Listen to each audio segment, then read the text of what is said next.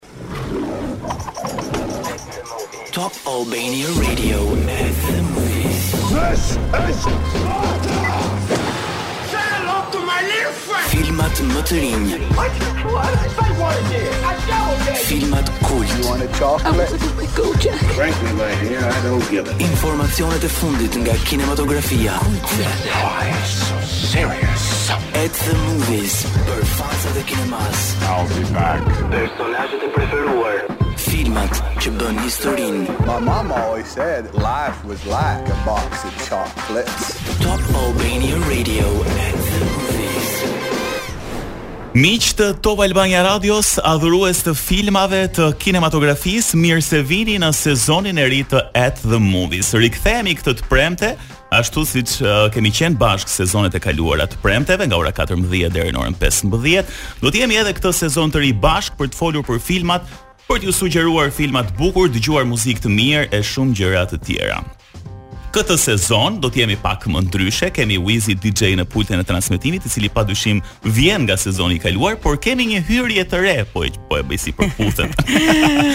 bashkë me mua këtë sezon do të jetë një zë shumë i veçantë, ndajmë bashkë uh, pasionin e madh për filmat, është Edea mm -hmm. Demaliaj kënaqësi që do jemi bashkë gjatë gjithë këtij sezoni. Gjithashtu.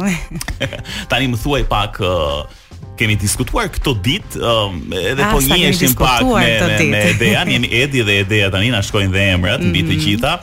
Edhe um, doli që kishim disa preferenca të përbashkëta sa i përket kinematografisë dhe filmave, po ti ishe pak më weirdo kam përshtypjen, ëh. Pak po, pak po. Shpresoj që edhe dëgjuesit ta kenë deri po, diku. Po, se ne për shembull u kemi dhënë pak edhe nga shijet tona personale dëgjuesve, kështu që padyshim edhe ti do ndikosh te dëgjuesit. Shpresoj mos t'i bëjmë shumë weirdo si puna ime. edhe flokët e kuqe, kështu që. Pa, pa, pa, ndryshe, ndryshe. um, me filmat Si ke qenë këtë periudhë? Ke parë filma të rinj apo ndoshta rikthehesh tek ato të vjetërit? Nuk e di. Uh, duke qenë se kam pasur shumë kohë të lirë në duart e mia, po them që i jam ah, përkushtuar thuajse 100% filmave. Kaloj mm -hmm. një mhm. pjesë shumë të madhe të ditës, më së shumti shoh TV shows. Po jam dhe nga ata njerëzit që mund ta shohin mbi 40 herë një film, sado e gabuar është kjo, po dhe i numroj. Edhe kur vjen një mik i ri te shtëpia ime i them, Kjo është hera e 36 që unë e shoh këtë filmin dhe i bëj play. Edhe që janë kështu dhe unë uh, teksa miqtë e mi e shohin filmin jam ai personi që i di të gjitha lines-at përmendësh, mm -hmm. edhe i ndërhyn, domethënë me zë të ulët filloj pëshpëris. Po, Ato që do të janë gjithë Edea boll, më lër ta shoh filmin. Këtu jemi pak më ndryshe se unë për shembull kur shoh një film e kam shumë të vështirë ta shoh dy herë ose duhet të kaloj shumë kohë që ta shikoj prapë se nuk e di, më duket sikur I i di veprimet, i di gjërat dhe nuk surprizohem më nga asgjë. Pavarësisht se ka nga ato filma që sa herë që i shikon zbulon diçka të re në ta. Megjithatë, edhe sot do të flasim um, për dy premiera në Cineplex, partnerin tonë i cili uh, është edhe këtë sezon pa dyshim, janë dy premiera mm -hmm. shumë interesante, njëra prej të cilave me Idris Elbën i cili kur u shpall mashkulli më seksi para nja dy vitesh më duket, Hmm. Apo s'je shumë dakord me këtë çmim? Deri diku, deri diku. Do të kemi edhe tre serialet e momentit, të cilat po bëjnë bujë dhe vazhdojnë të të shfaqen një herë në javë, janë tre, por nuk do i themi tani, do i themi pas pak. Dhe për një serial shqiptar i cili um, ka filluar të transmetohet në Top Channel për herë të dytë. Dhe ky është në fakt një nga ato seriale që nuk duhet humbur, por do kemi kohë për të folur. Nisim programin Wizi se ka kohë që më ka tërhequr vëmendjen. Uh, jemi tek një këngë um, kolona zanore e kemi publicitet tani. Po pse ma bën gjithmonë këtë, nuk e kuptoj mirë. Rikthehemi përsëri edhe ju po dëgjoni atë movies. Do flasim pak për premierat e Cineplexit. Uh, filmi i parë, trailerin e cilit unë e pash dy herë, më pëlqeu shumë. Si gjithmonë, si gjithmonë, nga më shumë se një. Më shumë se një, po. Uh, është nga ato filma tipik survival. Po që po jua përshkruaj pak më ngadalë. Besoj se flas për gjithë kur them se pushimet verore janë ajo periudha më e planifikuar e vitit. Mm -hmm. Është ajo periudha që ne kalojmë pjesën më të madhe të dimrit edhe thuajse ëndërrojmë mbi vendin që do vizitojmë gjatë verës, rezortin, ushqimet, guida turistike. Po ndonjëherë universi ka plane të tjera. Edhe unë personalisht, ndoshta nga që jam pak supersticioze, sa herë dëgjoj miqtë e mi teksa bëjnë plane për verën, ju them mos bëni plane se do na prishen. Edhe pikërisht kështu është. Po po po, shumicën e rasteve ndodh diçka. filmi i ri Beast me protagonistin Idris Elba është përkufizimi i atyre pushimeve që fillojnë si një ëndërr edhe përfundojnë në një makth. Regjisori i filmit, Baltasar Kormákur, kësaj radhe i qëndron përsëri besnik atij stili dominues, që me sa pashë në filmat e tij të tjerë është prezent në thuajse çdo produksion të tij, edhe po flas pikërisht për filmat survival. Pra ku protagonistët mundohen t'i mbijetojnë diçkaje reale edhe përballen me rreziqe me të cilat çdo njeri mund të përballet. Ka një element uh, shumë angazhues për shikuesin këto filmat survival, se është uh, janë tipikisht ato filmat që unë Bërtas. Jo, mos ik atje, mos bëj. Mos e bëj. edhe edhe të nxjerrin atë instinktin e mbijetesës, ëh, ja po e dëgjojmë ndërkohë që flasim edhe trailerin në sfond. Edhe gjëja më e bukur e këtyre edhe është se të mbajnë um, lidhur me ekranin deri në fund, domethënë derisa ta zbulosh se çfarë do të ndodhë. Është një kjo, është edhe e dyta ajo pyetja që ti i bën vetes, ça do bëja unë? po të isha në vendin e këtij mm, njeriu. Mm, po, ja edhe këtë s'e kisha menduar. Unë po, për shembull jam ajo që kam frikë ta vendos veten. Unë jam ajo që dyshon që do vdesi e para ose e dyta tek filmi. ajo që ka vdekjen më më të pazakontë dhe më kështu që ikën direkt dhe asnjëri nuk pyet. Beast faktikisht ndjek historinë e një babai të ve, i cili bashkë me dy vajzat e tij vendosin të vizitojnë fshatin në të cilin ishte rritur e ndjera pra mamaja që kishte humbur jetën. Çka duhet të ishte një eksperiencë bashkuese për familjen, mm -hmm. shndërrohet në një luftë për mbijetesë, pasi një luan i egër dalëngadalë fillon të zhdukë gjithë pjesëtarët e fshatit. Mo, me një luan, s'kisha parë ndonjëherë në Nuk e mendoja që ishte një luan, luan të tërbuar. Se luanët, ok, janë kafshë rrezikshme sigurisht, por nuk i kemi parë ndonjëherë në këtë aspektin e horrorit. Ai është si një luan fantashkencë, domethënë unë e pashë pak nga traileri se nuk normalisht nuk e shfaqin po, totalisht. Hungërimat e tij. totalisht krijesën. Po që ishte pak pak si luan fantashkencë, do thoja mm. një. Duhen parë se si kanë punuar edhe me efektet speciale. Unë po shikoja në fakt edhe komentet që kishin bërë tek IMDb dhe shumica e konsideronin uh, rolin e Idris Elba si vendimtar që i ka dhënë po themi një potencial tjetër filmit. Por edhe um, filmat mbijetesë, sidomos pas këtyre ngjarjeve të fundit, uh, edhe te ne personalisht, ku di unë tërmeti, pandemia COVID-19 na kanë bërë pak që të shikojmë më shumë të tillë filma. Nuk e di nëse të ka ndodhur në pandemi që kemi parë pafund për shembull filma me epidemi, me postapokaliptik. Pafundësisht, pafundësisht. Edhe e gjejmë pak veten aty, ëh, se kemi hequr pafund të zeza gjatë eh. këtyre periudhave. Megjithatë, ky film um, ishte vërtet interesant, të paktën nga traileri, do të jepet sigurisht uh, nga sot në Cineplex, e keni në të gjitha oraret dhe më kujtoi një film tjetër të Idris Elbës, nuk e di nëse e ke parë Mountain Between Us bashkë me Kate Winslet, rrëzohet një avion bashkë me këta të dy në një në, në Alaskë, në mos gaboj, mhm. dhe këta përpiqen të mbijetojnë. Pra nuk është se kanë një kundërshtar siç është luani, por përpiqen të mbijetojnë në atë terrenin e vështirë të natyrës siç është Alaska. Po, filmi i dytë faktikisht mm -hmm. që mhm. është premierë në Cineplex dhe këtë jua sugjeroj ta shikoni, quhet Man Eater. që ka të bëjë me një aksident gjatë pushimeve të disa të rinjve në një ishull, ku këtu kësaj radhe armiku është peshkaqeni. Pra kemi dy po, po, në tokë dhe në det. po që më kujtoi shumë uh, filmin Jaws, që është një film, film po, kult për Amerikën. Po, është kult për Amerikën dhe një ndër horrorët më të realizuar. Shumë i ngjashëm. Unë të them të drejtën nuk e kam parë Jaws, kam punuar tek ishulli ku është filmuar Jaws oh, dhe është një urë Jaws Bridge, nga të cilët të gjithë njerëzit që vinë turistë mm -hmm. hidhen. Kam jetuar 6 muaj aty dhe nuk jam hedhur kurrë nga ura. Dhe sigurisht që s'ke guxuar ta shikosh filmin. Po qenka vërtet interesante, kam mhm. përshtypjen që tani duhet ta shikosh, nuk e di nëse do të rikthehesh më në atë ishull. Jo, po ta shoh edhe një herë. Nuk do shkelësh më kurrë pastaj. Okej, këto janë premierat e reja në Cineplex, Beast dhe Man Eater. Të dyja kanë atë instinktin e mbijetesës. Të dyja janë Survival. Dhe po. vërtet shumë të bukur për të gjithë ju që i keni um, shumë qejf filmat, ndoshta me pak aksion, aventurë, pak mister brenda dhe mbijetesë, janë perfekt krahas të gjitha premierave të tjera që jepen në Cineplex, se ne kemi bërë ca ditë pushime, po në Cineplex ka patur premiera çdo javë edhe shumë të bukura madje. Breath nga Ex Machina na riktheu në studio, po diskutonim me Dean në fakt se është edhe një film me të njëjtin titull Ex Machina që është mm -hmm. shumë i bukur edhe ju sugjerojmë ta shikoni.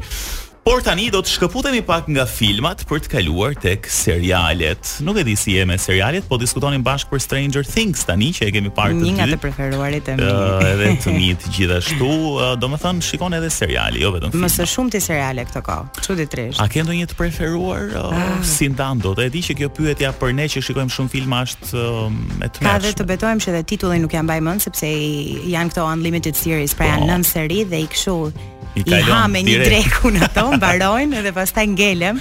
Po që do veçoja Stranger Things normalisht, mm -hmm. The OA është një okay. serial shumë i bukur në Netflix, jua sugjeroj ta shikoni. Nuk e kam parë, do e shikoj.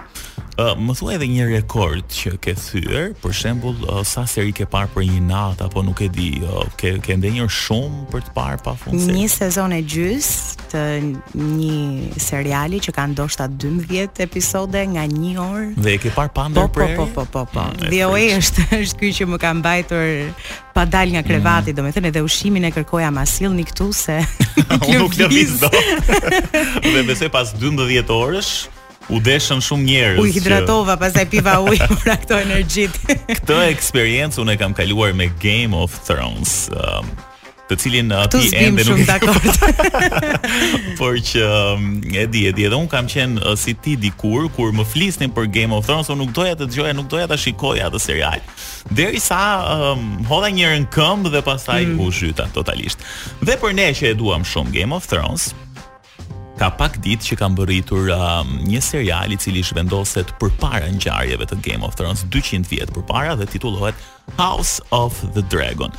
Do të themi bashkë me Dejan disa gjëra kyçe uh, për House of the Dragon uh, në mënyrë që ju të vendosni vetë nëse doni ta shikoni a jo, po po bën namin. Vendoset 200 vjet përpara ngjarjeve të Game of Thrones me në qendër familjen Targaryen, të cilët ishin të vetmit që zotëronin dragonjë. Tashmë flitet për një luftë civile, ndërsa janë edhe familjet Stark, Lannister, Baratheon e të tjerë. Unë besoj se dhe kësaj radhe, unë me sa kam parë nga trailerat, nuk do më mungojnë ato kostumet e veçanta, po. kuajt, shpatat, edhe gjithçka fillon me një prolog të fuqishëm që gjithmonë ka një zë hipnotizues edhe na kthen në të mm, kaluarën. Është ai rrëfimtari që të kthen brapa në kohë dhe këta zërat e përzgjedhur janë me të vërtetë fantastik. Episodi i parë i House of Dragon duhet thënë që u publikua më 24 gusht dhe theu rekordin në HBO me mbi 10 milion shikues brenda një nate. Këtë rekord nuk e kishte as Game of Thrones vet. Pra imagjino se mm. çfarë mm. fansash Dhe kjo është faktikisht ajo që mua ndoshta do më bindi po, që ta pra, shikoj. Po, pra, statistikat shpresoj të të bindin ta shikosh. Po, numri i shikuesve faktikisht rritet pas çdo serie dhe deri tani janë publikuar 3 të tilla nga 10 në total. Po çdo të diel uh, po themi transmetohet në HBO dhe kjo është një gjë që unë s'e kam shumë qejf. Netflix për shembull i hedh të dhjeta seritë brenda një ah, nate. Ah, edhe pra aty ngecim ne. Aty ngecim. Kurse HBO të jep shumë nga një thërrime çdo të diel edhe shumë e vështirë për të pritur të dielën tjetër. Edhe po diskutonim bashkë dhe të thashë që kur pashë aktorët e House of the Dragon në fillim dhe sigurisht unë e kam si fiksim që mm, u kontrolloj Instagramin gjithmonë. Të gjithë ishin aktorë teatri me nëntë mijë followers, pesë mijë followers. Tani janë me mbi pesëqind mijë të gjithë edhe. Mhm. Domethënë prodhime të tilla luajnë pa dyshim një rol galopant do thoja në karrierën e aktorëve.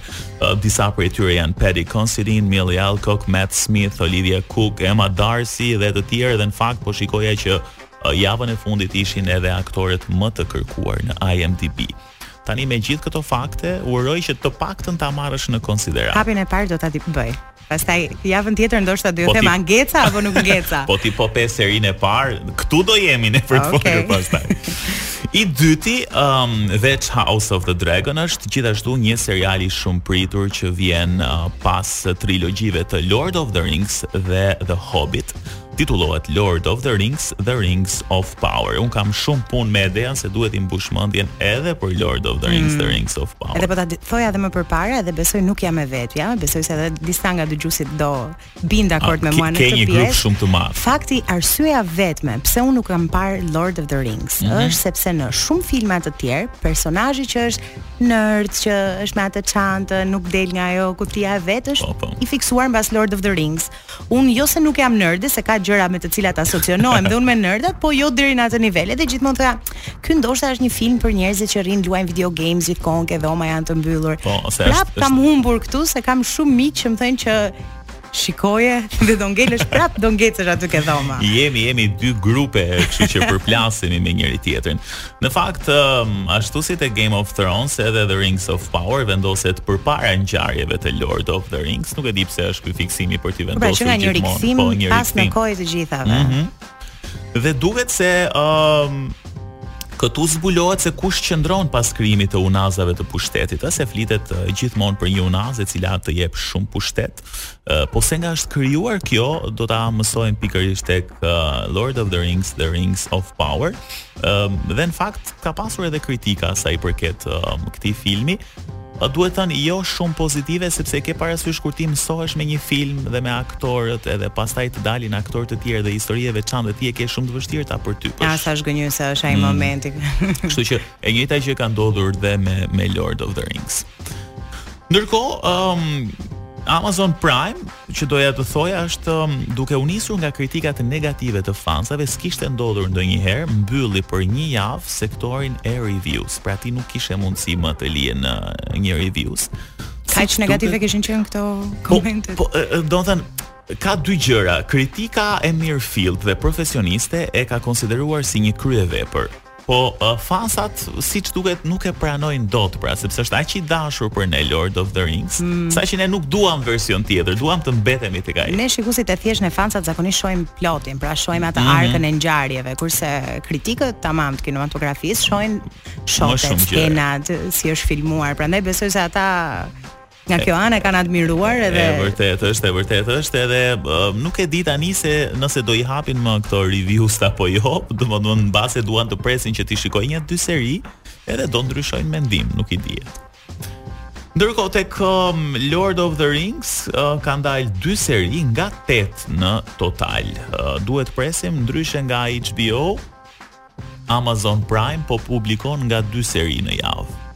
Që domethënë dy janë publikuar më mirë se një, edhe dy duhet të publikohen sot në mos gaboj, kështu që kemi edhe nja dy javë për të parë tek Lord of the Rings.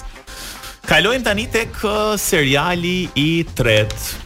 Do të pyes pak tani se më ke thënë që i ke qejf filmat post-apokaliptikë, po a do ta kishe menduar ndonjëherë që në një të ardhme jo shumë të largët mbase për shkak të një epidemie njerëzimi të humbiste shqisën e të shikuarit ose të parit. Të them të drejtën kam parë shumë filma që humbitet humbet mm -hmm. shqisa e të dëgjuarit. Të dëgjuarit, po ai me atë zhurmë atë. Bravo, shumë. por të të parit jo, nuk e kisha menduar dhe nuk kam parë diçka të ngjashme. As unë nuk e kisha menduar, po tek See tek ky seriali me Jason Momoa, i cili um, Luan gjithashtu edhe te Game of Thrones, Khal Drogon e famshëm që e kemi parë të gjithë. Njerëzimi e ka humbur. Ja Jason Momoa e meriton mashkulli më i bukur, jo Idris Elba. Jo Idris Elba. Jo Idris Elba. e po atëherë, edhe këtu është um, edhe këtu shfaqet goxha mirë te ky serial. Kështu që duhet ta shikosh. Ta ndjekim domethënë. po. Uh, këtu uh, njerëzimi ka humbur shikimin mm -hmm. dhe ata të paktë që shikojnë konsiderohen heretikë dhe duhet të digjen sepse përbëjnë kërcënim për këta që nuk shohin. Sepse normalisht ata kanë prioritet, ata mund të shikojnë, mund të po themi mund të mbrohen më mirë sepse sigurisht duke mos parë njerëzit alkenit që quheshin, kishin zhvilluar po themi disa shqisa të tjera që po themi të dëgjuarin e kishin shumë perfekt uh, të prekurit gjithashtu të nuhaturit sigurisht pra është është një lloj shprehje që thonë që kur zoti të merr një gjë të jep nja 10 gjëra të tjera zhvillohen shqisat mm -hmm.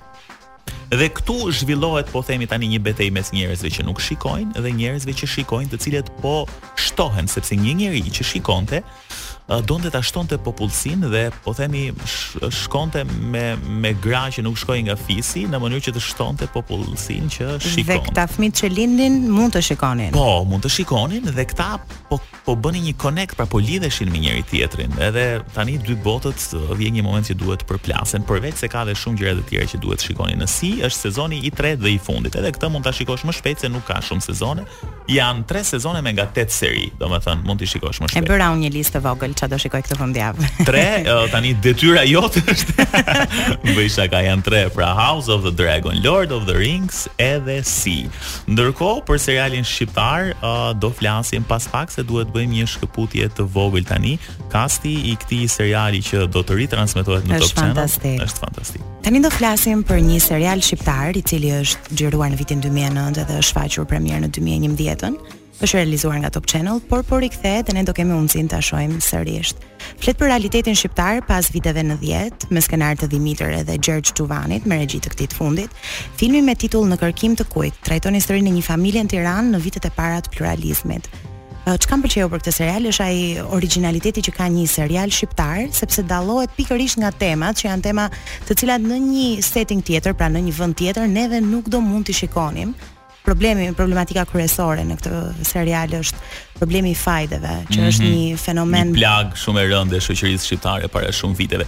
Në fakt edhe pse disa gjëra nuk janë më, ka shumë gjëra aktuale të cilat na shqetësojnë edhe sigurisht i prek edhe ky serial. Për të folur më shumë mbi në kërkim të kujt, do të kemi tani në lidhje telefonike producentin Dritan Huqi. Përshëndetje Dritan. Përshëndetje. Përshëndetje, kënaqësi që gjete kohën um, të bisedosh pak me ne në këtë të premte. Um, Faleminderit juve. Na thuaj pak tani seriali është publikuar për herë të parë në vitin 2011, pra nuk është i ri, por a është ky rikthim në në Top Channel edhe një shans i dytë po themi për shikuesin shqiptar në një kohë që duhet thënë serialet janë bërë shumë popullore vitet e fundit, ndoshta ndoshta gati sa filmat.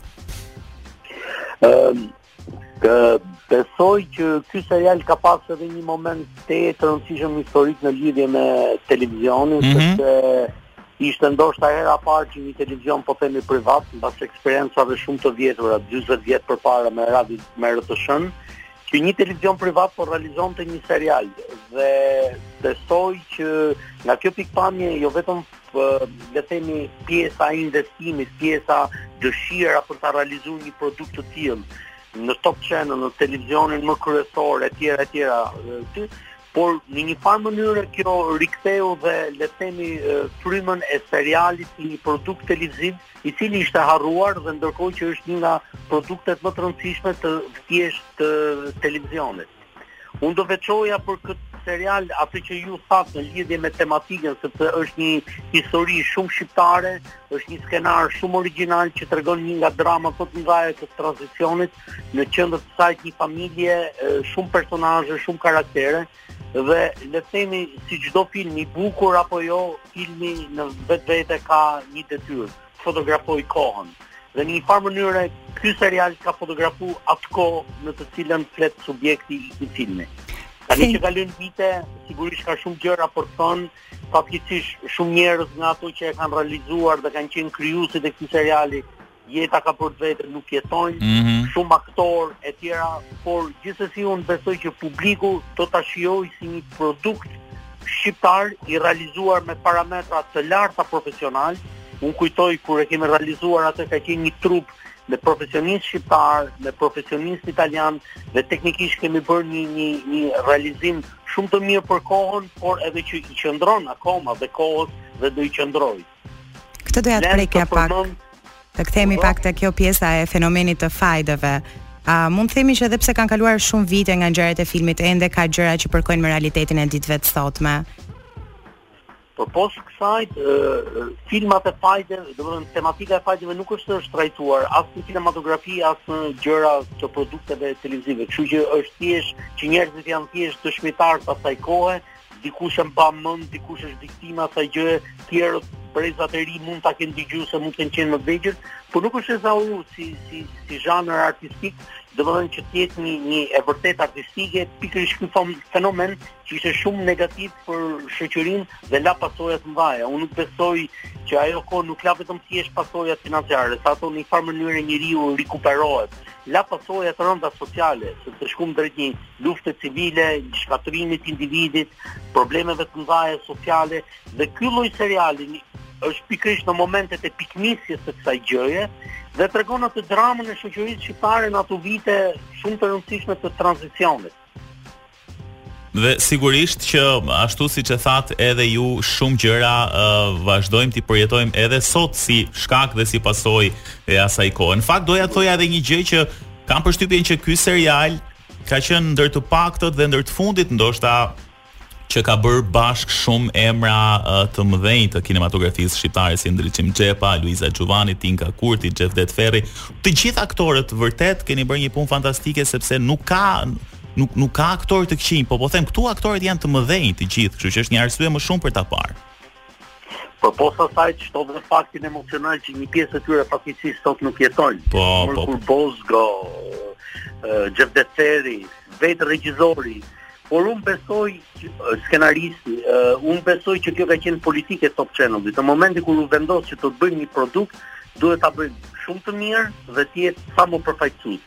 Dhe kjo ka qenë domethënë si të thuash referenca për të afruar aktorë të mëdhenj, të cilët janë edhe me karaktere shumë të vegjël, por që janë në serial, duke qenë se ajo është me pesë seri, ka mundësi që secili nga ato të shpaloset. Dhe nga kjo pikëpamje besoj që seriali është një homazh për të gjithë ato njerëz që sot nuk janë ose dhe për ato të tjerë, por që kanë një karrierë shumë të shkëlqyer në kinematografinë shqiptare, dhe janë të gjithë bashkë në një histori të tillë. Absolutisht, edhe është është një ftesë uh, për të gjithë për ta parë ka filluar të shfaqet nga 5 shtatori. Dritan, faleminderit edhe shpresojmë që të rikthehen punë të tilla kaq të mira edhe të suksesshme. Faleminderit shumë për. Faleminderit. Faleminderit. Mirë, ne kemi mbërritur në fund edhe të programit uh, për sot. Bashkë do të jemi sërish uh, të premten e ardhshme bashkë me Dean me filma të tjerë edhe me premiera të tjera. Kemi edhe një gjë të fundit? Kemi dhe quizin e këtu. është Arbri, i cili ka gjetur përgjigjen e saktë dhe i pari është aktori Vin Diesel. Ne u mbulojmë fytyrën aktorëve, u lëmë vetëm sytë dhe mm -hmm. dëgjuesit tanë e gjejnë, kështu që edhe një të tillë do ta keni pas pak në Instagram. Ikim, si thua? Ikim. mirë, kalofshi sa më bukur, mirë u dëgjofshim edhe mm, shikoni filmat bukur.